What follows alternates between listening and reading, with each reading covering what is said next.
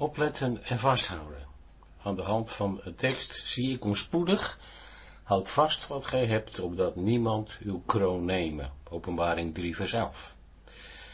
Eerst lezen we een gedeelte uit de Bijbel. Openbaring 3 versen 7 tot 13.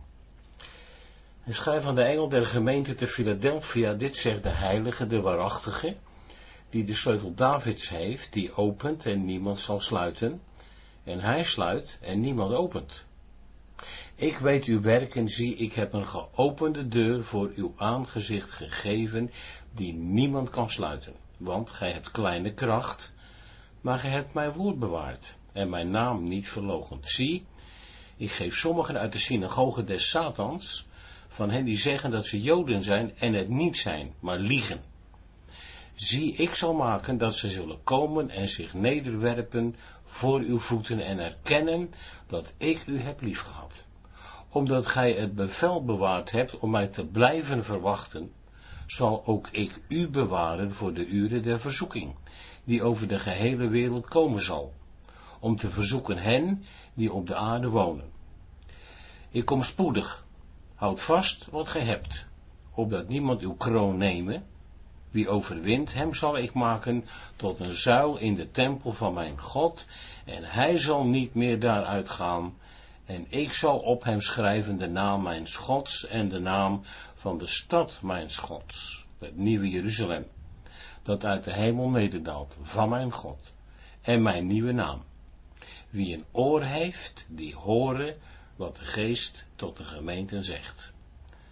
We overdenken dat aan de hand van de tekst, ik kom spoedig, houd vast wat gij hebt, opdat niemand uw kroon nemen.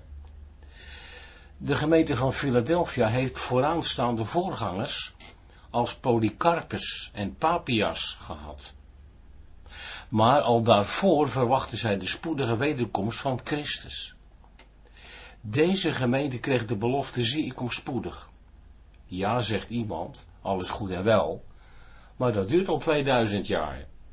Wat is spoedig in de betekenis van ineens, met bekwame spoed, zonder uitstel? Het was ook al tegen de gemeente van Pergamum gezegd. Als zij zich niet bekeerden, zou de Heer spoedig komen. Zijn spoedige komst heen af, of zij zich zouden bekeren of niet.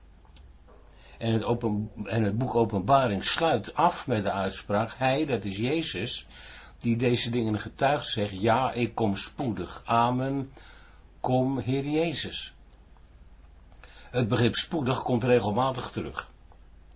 De briefschrijver sluit zelf af met het gebed, ja heer, doet u dat alstublieft, spoedig. Maar het is nog steeds niet zo ver gekomen. Voor ons betekent spoedig dat het al dan had moeten gebeuren. En dat deed het niet. Het is zo ver gekomen dat sommigen zelf zeiden, waar blijft de belofte van zijn komst? Want sedert de vaderen ontslapen zijn, blijft alles zo zoals het van het begin der schepping geweest is. 2 Petrus 3 vers 4. Dan voegt de apostel Petrus eraan toe, maar dit ene mag u niet ontgaan, geliefden, dat één dag bij de Here is als duizend jaar en duizend jaar als één dag. De Heere talmt niet met de belofte, al zijn er die aan talmen denken. Maar hij is langmoedig, jegens u, daar hij niet wil dat sommigen verloren gaan, doch dat allen tot bekering komen. 2 Petrus 3, vers 8. God houdt er een andere tijdrekening op na dan wij. Daar moeten wij niet over speculeren. Voor de tijd dat wij op aarde zijn, geeft God aan zijn kinderen in alle omstandigheden wat ze nodig hebben. Dat gold ook voor de gemeente in Philadelphia. De gemeente had de belofte van de spoedige wederkomst gekregen. Maar jaren daarna stierf de godsgetuige Polycarpus, de bisschop van Smyrna, in het jaar 155, in Philadelphia, de marteldood. Hij was een discipel van Johannes geweest. Uit zijn mond had hij gehoord wat er in het begin van de gemeente in Jeruzalem was gebeurd. Hij had het uit de eerste hand. Johannes had het optreden van Jezus allemaal meegemaakt en had het Polycarpus verteld. De gemeente kende die geschiedenis. Niet een of ander verhaal, maar de historische feiten. De berichtgeving was betrouwbaar. Diezelfde Johannes moest deze brief nu aan de gemeente van Philadelphia schrijven. De gemeente bleef de Heer verwachten. We moeten elkaar durven aanzien en tegen elkaar zeggen dat dit moeilijk is. We moeten moeilijke teksten niet uit de weg gaan. Dat wil niet zeggen dat we op alle vragen een antwoord vinden. In de brief stond dat er een verzoeking over de hele wereld zou komen. Daar zitten we niet op te wachten. We horen al zoveel negatief nieuws. In de prediking wil je dan iets positiefs horen. Maar wat willen wij? Een sussend verhaal of luisteren naar wat God ons door zijn woord zegt? Als we daarnaar luisteren en ons erop instellen, putten we daaruit de kracht om het leven aan te kunnen, zelfs als er een verzoeking komt. Hoe die er dan ook uitziet. In dat licht bemoedigt de Heer van de gemeente zijn kinderen.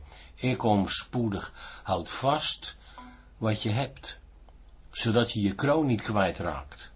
De kroon die voor Gods kinderen is weggelegd. Die hebben wij als het ware in onze handen.